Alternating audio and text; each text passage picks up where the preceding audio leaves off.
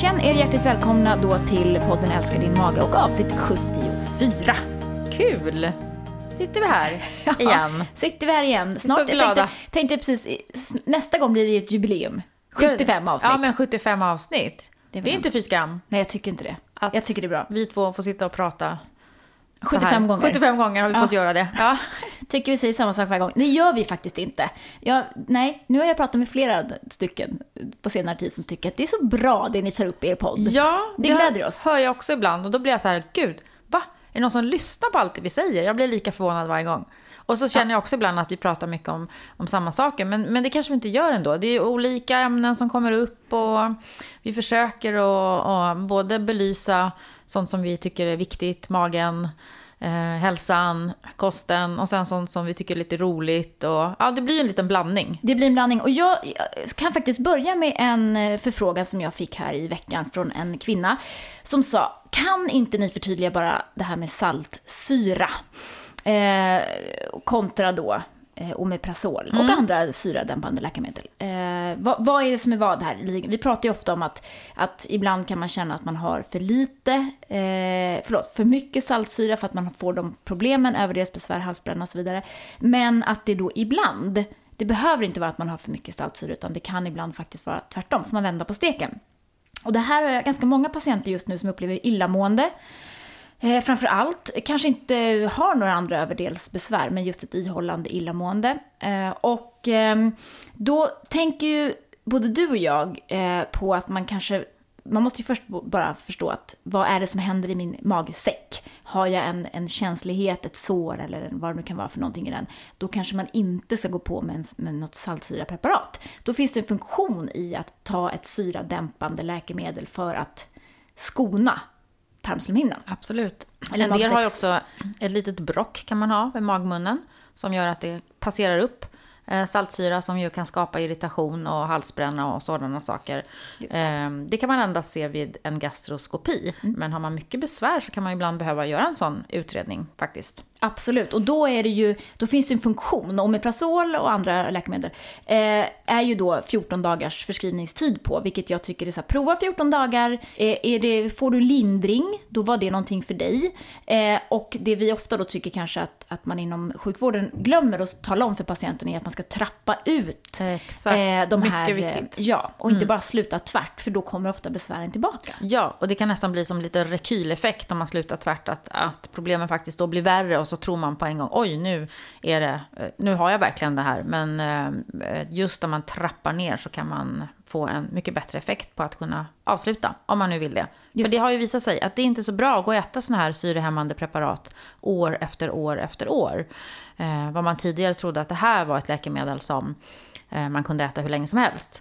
Men det har man ju förstått nu att det är det inte. Och det här är ju ett läkemedel som används av miljoners, miljoners människor över världen. Money talks. Money talks. Kanske man kan säga. Ja. Mm. Här då. Om vi ska vara lite cyniska. Men, men det är ju ett faktum att det är också många, tycker jag, man, mät, man möter som inte som äter de här preparaten men som inte blir hjälpta. Och då är det ju liksom ett A här, ta bort preparat som du inte har någon effekt av, oavsett vilket läkemedel det gäller. Då Mm. Mm. ska man, liksom, då ska man inte hålla på med det. Men med det sagt då, har man inte effekt och man håller på länge sådär, då, då kan man ibland då behöva eh, vända på, på tankesättet och kanske då tillsätta en, eh, det vi kallar för matsmältningsstöd, alltså saltsyra kanske kombinerat med matsmältningsenzymer.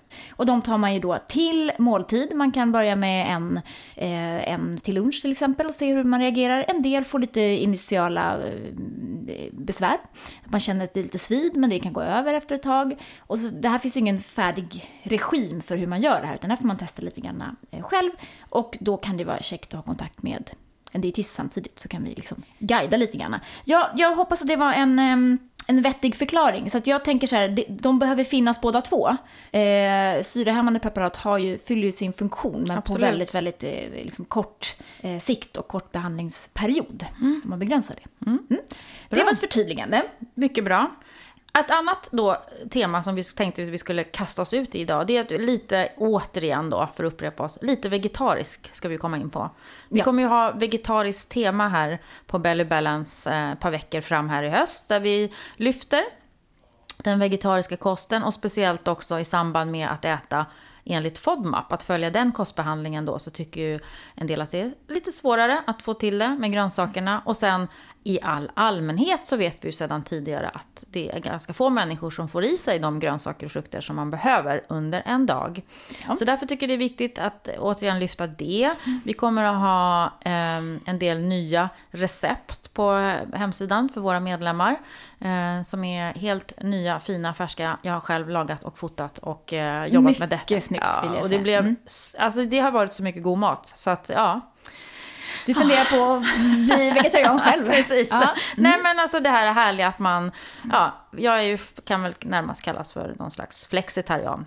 Jag äter animaliskt och eh, till och med kött lite då och då. Mm. Men det blir ju mer och mer vegetabilier. Det är ju jättekul. Mm. Och det finns ju så mycket gott att laga med grönsakerna. Det är fantastiskt. Men, då ska vi komma ihåg. Jag hade ju en, eh, en B12-problematik som jag eh, berättade om i förra avsnittet. Mm, just det, du ja. skulle återkoppla på den. Mm, det tänker jag göra nu. Jag har varit hos läkaren. Mm. Det blev fel. Men det spelar ingen roll, för jag fick mm. ändå ta prover. Ja. Eh, och eh, hon var ganska, ah, ja, jag, jag babblar ju på som vanligt. Mm. Jag tror jag har det här. Jag tror att du det kommer redan, av det här. Doktor Antonsson har redan diagnostiserat sig själv innan ja. läkarbesöket. Ja. Men ändå cred till henne. Hon gjorde en grundlig utredning ja. och lyssnade på hjärta och lungor och testade mina reflexer och, och sådär. Så det var mm. lite käckt. Mm. Men eh, då tror jag ändå att jag, alltså jag, fick, jag har ganska låga B12-värden. Och, eh, Men inte under inte gränsen? Under gränsen. Ja. De är inom referens. Ja. Och då är det ju så här, ja, vad gör man då? då? Ja, men det gör man ingenting. Ja.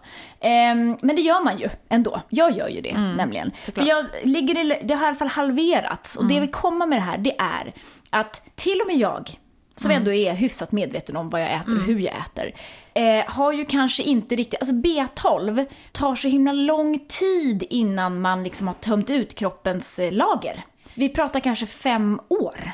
Eh, och jag tog mina B12-värden för kanske fem år sedan. Mm. Och då var det så fint, så fint. Mm. Och sen har jag liksom ätit mindre och mindre och mindre animaliska produkter. Just. Ja. Eh, och så landar jag här då med eh, halverade B12-värden jämfört med vad jag hade för fem mm. år sedan. Och lite eh, lågt HB.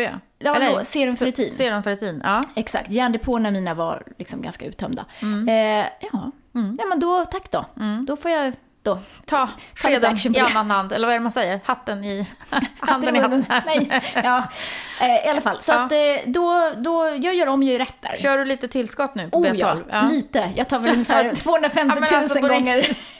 Gången. Sofia Antonsson. Ja. Ja, men jag kan, ja, jag kan man säga, B12 ja. är ju, går ju nästan inte att överdosera, eller på att säga. Man kan Nej. få rätt höga värden av B12 också utan att det är farligt, så att säga. Mm. Eh, för det ser jag också med när jag arbetar med människor som har gjort överviktskirurgi. Då har man ju Just. en livslång rekommendation på att ta B12. Mm. B12 finns ju bara i mm. animaliska produkter. Eh, men när man har gjort en sån här operation så får man ett litet, kan få lite sämre upptag. Men det visar sig också, som du säger, först efter någon år om man mm slarvar med de här vitaminerna. Mm. Slarvar man inte med dem så får man ofta ganska höga värden. Men det är ju ingen fara med det. Nej. Och jag, det här ju, har vi ju pratat om tidigare. Jag har ju varit ute i liksom, kvällspressen och pratat om att unga kvinnor får järnbrist för att mm. de äter vegetariskt, väljer bort köttet. Men du tänkte ja. inte att du var ung längre? Nej, jag tänkte att jag var mycket gammal eh, och inte i riskzon. Men eh, i alla fall ja. så var jag det. Mm. Så att eh, det är bara en, en liten påminnelse om att, att jag menar, det är, jag kommer fortsätta äta ganska lite kött. Mm. Och, och, sådär. Men jag kommer...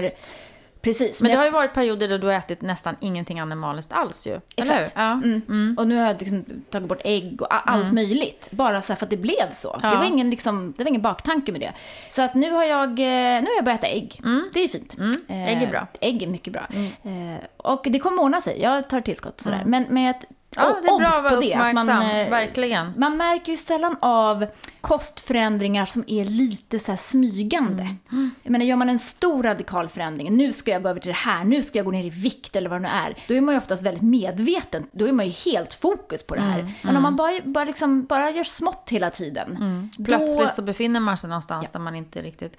Det där har jag faktiskt också träffat en, några patienter som just har haft eh, IBS-problematik i längre tid. Att man har börjat ändra på sin kost och så liksom efter några år så har man hamnat någonstans. Man har gjort små, små förändringar, tagit bort saker, tagit bort saker och så har man hamnat någonstans där man har blivit ganska begränsad utan att man egentligen har märkt det. Så börjar jag haft några som har gått, ner i vikt och man har blivit undersökt och vad händer? Mm. Hittar ingenting. Och så när man tittar på en matdagbok och börjar prata om det så bara, ja men jag har nog faktiskt förändrat ganska mycket. Mm. Man ser att den här personen äter ganska lite.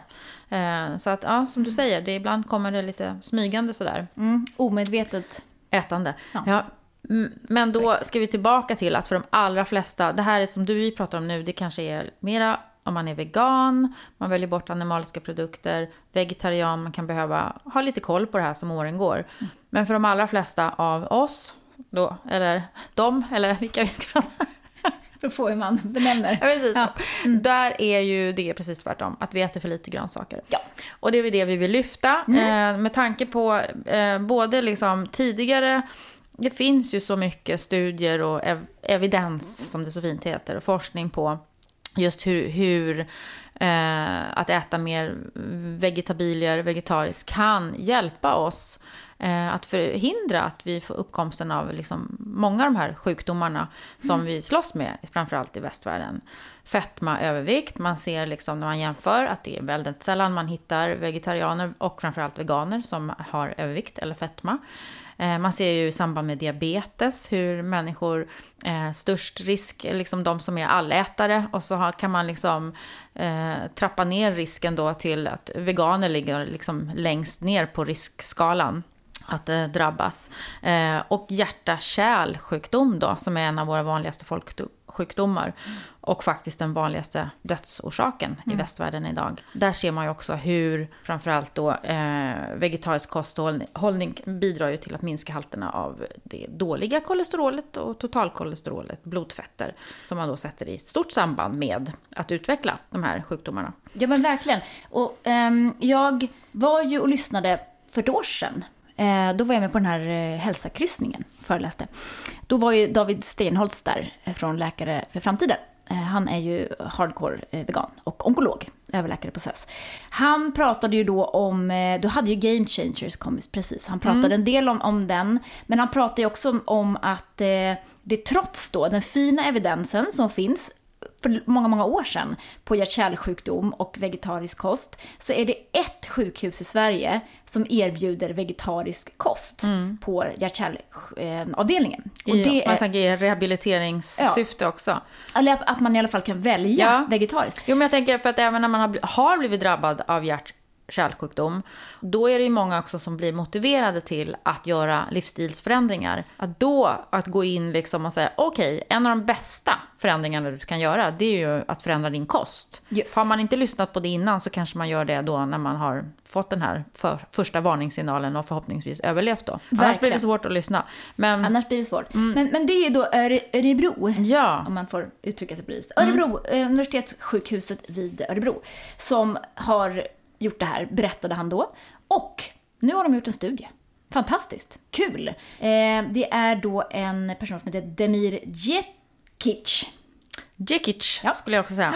Ja. Eh, som eh, rapporterar om att de har då använt kranskärlssjuka patienter Eh, och det i min värld säger ju kanske inte helt klart om, eh, om man har haft en, no, man har väl haft någon typ av hjärt-kärlincident då. då. Eh, om det är eh, bara inom situationstecken att man har haft någon, någon liten eh, känning. Hjärtinfarkt eller, har, eller kärlkramp. Ja, ja, precis. Men att de stod på en medicinsk behandling. Mm. Så att de var liksom, eh, vad jag förstod, att de här gjorde i den här studien. Mm, mm. Precis. Då fick de käka, eh, då fick de en, en crossover-studie.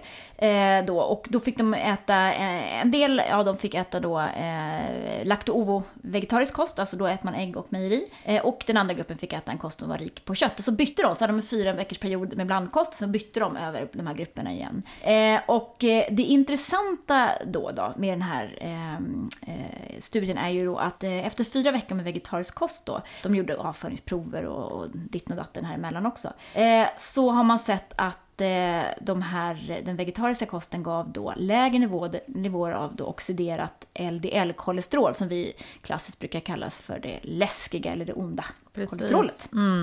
Och som ju då spelar en, en eh, betydelsefull roll just för utvecklingen av blodproppar i kranskärl och så vidare. Eh, och de fick också lägre totalkolesterol och gick ner något mer i vikt. Precis. Det är ju helt i linje med liksom tidigare studier och forskning som man har. Men just att använda det aktivt liksom i, i rehabiliteringen också då. eh, Det är ju... Det, Det är måste ju vara... fantastiskt. Och det här var fyra veckor ska vi då... Alltså och de redan... fick ju mat liksom lagat till sig, vad jag förstod. Så att de, så man har kunnat För det är ju det som ofta är svårigheten när man gör studier på mat. Att äter folk det man vill att de ska äta.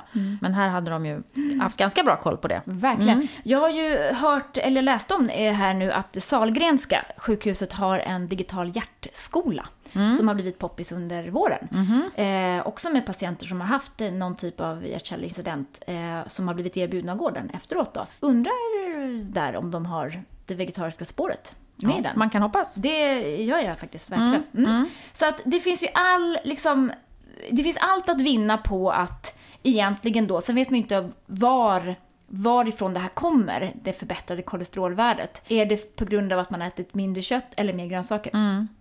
Det kanske återstår att se vad som egentligen påverkar mest. Men vi vet ju att, att fibrer i eh, grönsaker har potential att ta med sig, binda upp kolesterol och ta med Ja, det men ut i precis. kroppen. Och framförallt i havre har vi ju de här fina fibrerna. Betaglukaner som Mm. drar med sig kolesterolet ut. Käka havre, det är bra. Vi är sponsrade av Dofilus, yoghurten med tre tillsatta bakteriekulturer. Och du har gjort någonting där, Jeanette. Ja, men just det. Jag eh, är ju egentligen inte så mycket för att baka. Eh, jag tycker mest om att laga mat. Men är det någonting jag tycker om att baka så är det en fillimpa. För det är ju en sån här röra ihop, hälla i en form och så är det liksom klart in i ugnen. Och då kan man ju så lämpligen använda den naturella yoghurten till den. Det är ungefär en halv liter i en limpa och i övrigt är det ju mycket fina saker som havrekross och havrekli och man kan ha frön och alla möjliga saker i den. Och frysta lingon. Ja, det är gott att blanda i också. Så, Snyggt Och det, också. blir, det här brödet blir ju liksom som en blandning av ja, matbröd men går ju bra till fikabröd tycker jag. För det är ju lite sött, man har lite sirap i men det blir så gott. Prova det. Och Dofilus kan man ju annars bara inkludera som en eh, rutin i vardagen. 2,5 deciliter per dag tycker vi att man kan använda och eh, så kan man ju utvärdera efter ett tag hur man tycker det känns i magen. Vi är sponsrade av Alflorex, ett probiotiskt kosttillskott med bifidobakterium longum 35624 som också rekommenderas av World Gastroenterology Organization. Eh, Alflorex innehåller då alltså bifidobakterier som vi vet att eh, personer med IBS har en lägre andel av. Bifidobakterierna är också superduktiga på att minska inflammation i tarmen och de hjälper också till till viss del att bryta ner lite bråkiga FODMAP-fibrer. Eh, det är så här att vissa personer upplever att eh, Alfrex är fantastiskt att ta som ett eh, tillägg till eh, när man kör en FODMAP till exempel. Man har direkt effekt. Ibland behöver man kanske utvärdera efter fyra veckor, kanske gärna åtta veckor till och med, för att få en eh, känsla för hur det funkar. Eh, men det är ett jättefint tillskott av bifidobakterier. Så att ta den gärna med mat eh, så ökar överlevnaden ner i tjocktarmen där den faktiskt ska verka. Så prova Alflorex. Vi fortsätter med det outtröttliga ämnet eh, testa din tarmflora. Eller tarmfloraanalyser. Ja. Men tarmflora överlag är ju ett outtömligt ämne. Ja, Både bildligen och bokstavligen. det är Är det inte korrekt. så man säger? Jo, det, det kan man säga. Vi hoppas inte att det töms ut, för vi behöver dem ju. Ja, verkligen. Eh, det här är ju en, eh, det är intressant, eh, eh, det är en intervju som är gjord här med Carl Brunius, som är docent i livsmedelsvetenskap eh, på Chalmers. Han, eh, han var ju med faktiskt i, eh, han, han gjorde studien som vi var med i snarare. Just det. Eh, som gjordes i Uppsala för, förra året. Den borde väl komma någon typ av eh, resultat av snart. Ja. Där man tittade på tillsatta oligosackarider, tillsatta, eh, tillsatt vetegluten Just det i olika omgångar och eh, så skulle man se vilka personer då, eh, det här var ju personer i IBS som vi rekryterade och eh, så skulle man se vad man då reagerade på, om det var gluten eller om det var oligosackarider. Eh, och då mätte de ju då metaboliter i, eh, i tarmen. Eh, metabolomics eh, är det man liksom brukar benämna det här. Och han pratar mycket om precisionsnutrition. Just här, och, och kan vi så småningom börja skräddarsy våra kostråd? Det hade ju varit en önskedröm, naturligtvis. Men Där vi idag har kostråd som är liksom på populationsnivå. Att det här mår alla bra av att äta. Men de är ju inne nu och börjar titta på, men det kanske inte är så. Det är liksom olika effekter beroende på vilken tarmflora vi har. Det är jättespännande. Absolut. Och sen är det ju naturligtvis också så att alla som har någon form av diagnos ska ju förmodligen äta helt annorlunda. Om man har diabetes eller IBS eller någon annan sjukdom så, så kan det ju verkligen vara så att eh, man behöver äta annorlunda. De har ju gjort då, eh, tittat lite grann där på eh, framför allt då de här vanliga kostråden när det gäller fullkorn. Vi ska ju då äta 90 70-90 gram fullkorn per dag. Och då känner man ju direkt som IBS-are så här, nej, jag tror inte det. Ehm, men då har de, då har de tittat då, ehm, egentligen hur man kan tillgodogöra sig hälsoeffekter då från maten beroende på hur ens egen biologi kan man säga då ehm, ser ut. Och då har man tittat på extrakten då av fullkornsvete kontra eh, råg, fullkornsråg. Precis. Att de tycker att se sig liksom tecken på att det finns grupper som reagerar olika beroende på om de äter det här då. Men allting är ju väldigt liksom på en väldigt, vad ska man säga, I sin linda. i sin linda. Som alla Gud, säger just vilket- nu om det här området. Eh, tycker jag. Men de har ju då tittat på, eh, man vet ju från det här tarmfloraanalyser och så vidare, kan man dela in människor i olika sådana här enterotyper som då associeras, man har ett, en viss man kan säga ett, ett, ett landskap eller en sammansättning av tarmbakterier som man då kan, kan associera med ett, ett kostmönster. Och då tittar man ju då på det som heter bakteroides till exempel. Det är en bakterietyp som är associerad med det västerländska kostmönstret. Medan då eh, enterotypen Prevotella, man har mycket av bakterien Prevotella, är associerad med ett mer komplext kostmönster, det vill säga mera egentligen frukt och grönsaker, alltså Mera. mer fibrer och mera liksom olika sorters, inte så mycket processad mat och så Just vidare. det. Mm. Och det är också sådär, hur får man det då? Är det bara kosten? Eller föds man med det? Eller är det något, något annat som gör att man blir en viss sån här enterotyp då? Eh, det kanske inte bara är kosten. Men som Karl då konkluderar så är det ju så att man kan säkert byta från en enterotyp till en annan men det krävs mycket stora kostförändringar i hans liksom. Eh, men då såg man ju eh, i alla fall att fullkornsgruppen då eller grupperna som fick eh, eh, fullkorn av, av råg eller eh, vete. Ehm, eh, de reagerade olika på de här olika fullkornstyperna beroende på vilken enterotyp man då hade. De hade då de här Bacteroides-typerna, vilket är vår mer västerländska eh, tarmbiotop-typ, kanske man kan säga. Eh, de hade nytta av fullkornsvetet, men inte av fullkornsrågen. Medan då Prevotella enterotypen hade precis tvärtom. En god effekt av fullkornsrågen, men inte samma effekt av fullkornsveten. Hmm. Kan man ju börja fundera på. Verkligen. Kan man dra det här längre? Det här var en eh, studie som gjordes på medelålders överviktiga män. Ja, men De precis. kanske äter en massa, tänker att de ska äta rågbröd för att vara nyttiga och så till ingen nytta alls. Nej, och då kan man ju fråga sig, till ingen nytta, jag menar, Nej. hälsoeffekterna av fullkorn kan ju vara jättemånga. Precis. Mm. En utav dem kan ju vara hur det påverkar tarmfloran, en annan kan ju vara, inte vet jag, hur de sänker kolesterolvärdet eller Exakt. vad som helst. Och sen det- också som han säger, just precis det där att det, det går inte, det går inte att säga eh, att det, då ska vi inte äta råg. Utan det kan vara, betyda att råg innehåller massa andra saker som gör massa andra saker det, i kroppen. Det är därför det här blir så komplext. Mm. Eller att, att äta rågbröd gör att man inte äter så mycket annan mat och håller sig mätt längre och så vidare och så vidare. Och så vidare. Mm. så det är ju verkligen så med studier på livsmedel och mat och så. kan betyda en sak någonstans och så någonting annat någon annanstans.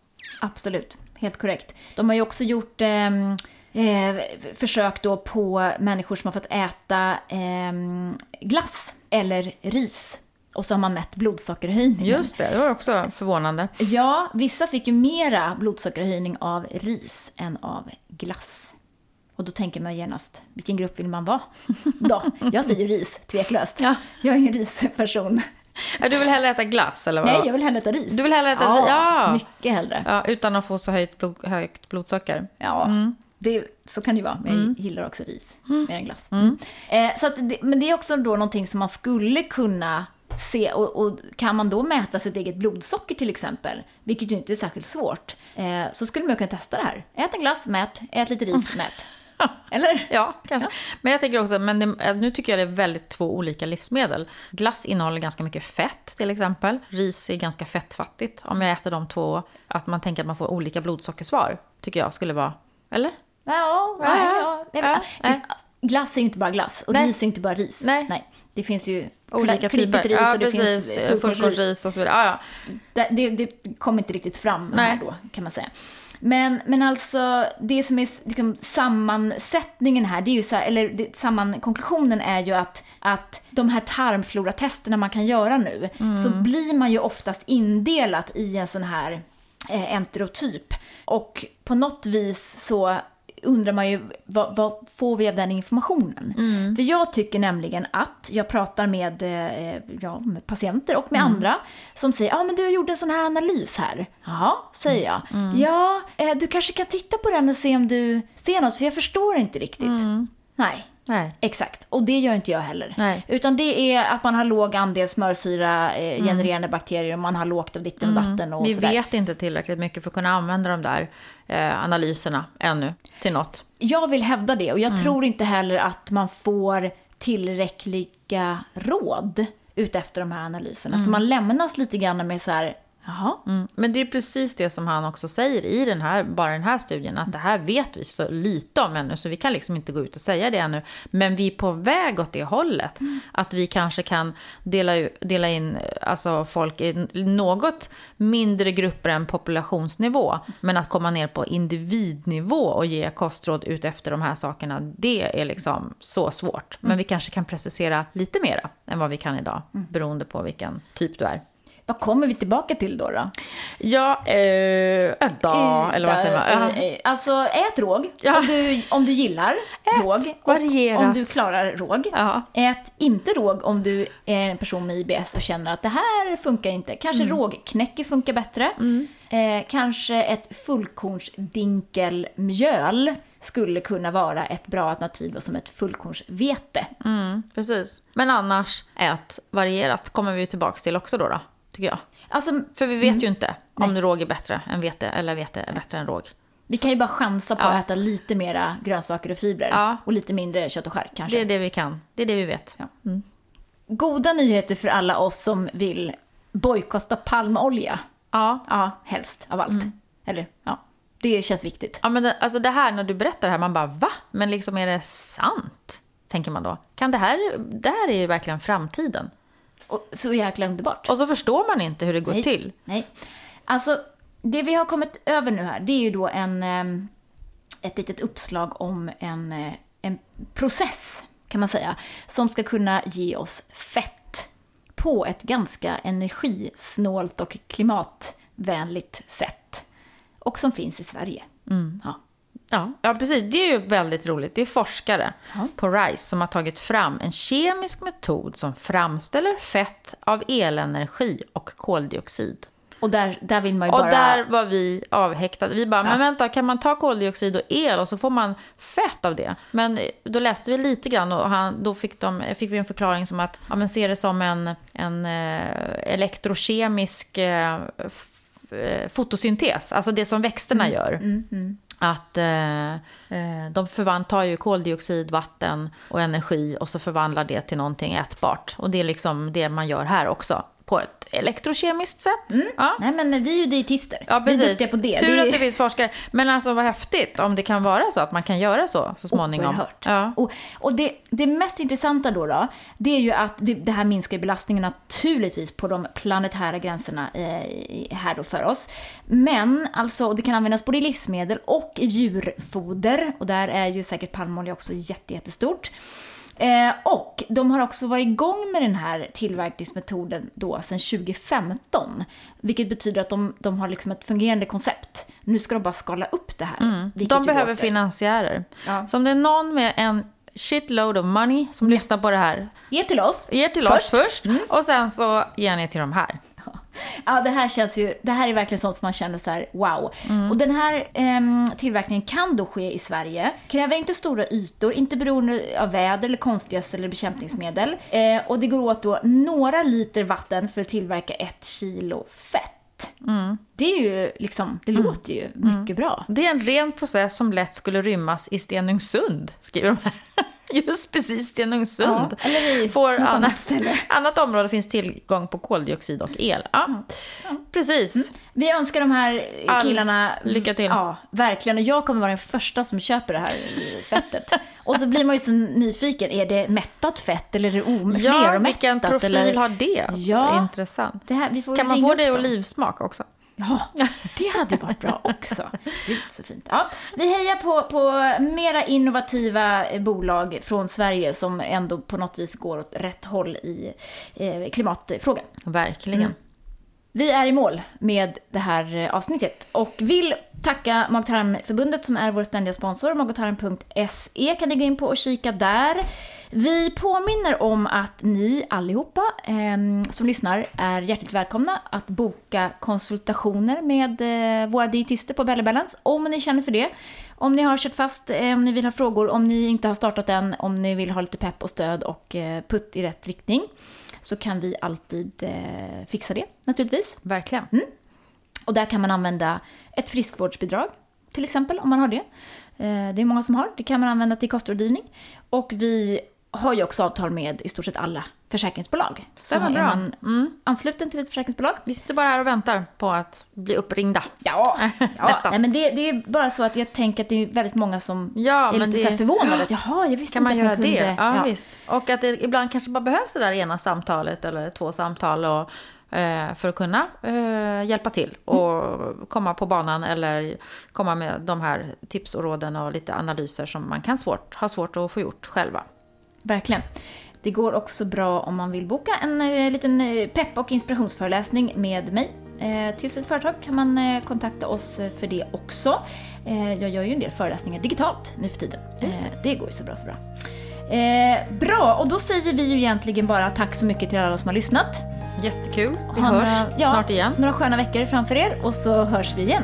Ha det bra. Hej, hej. hej.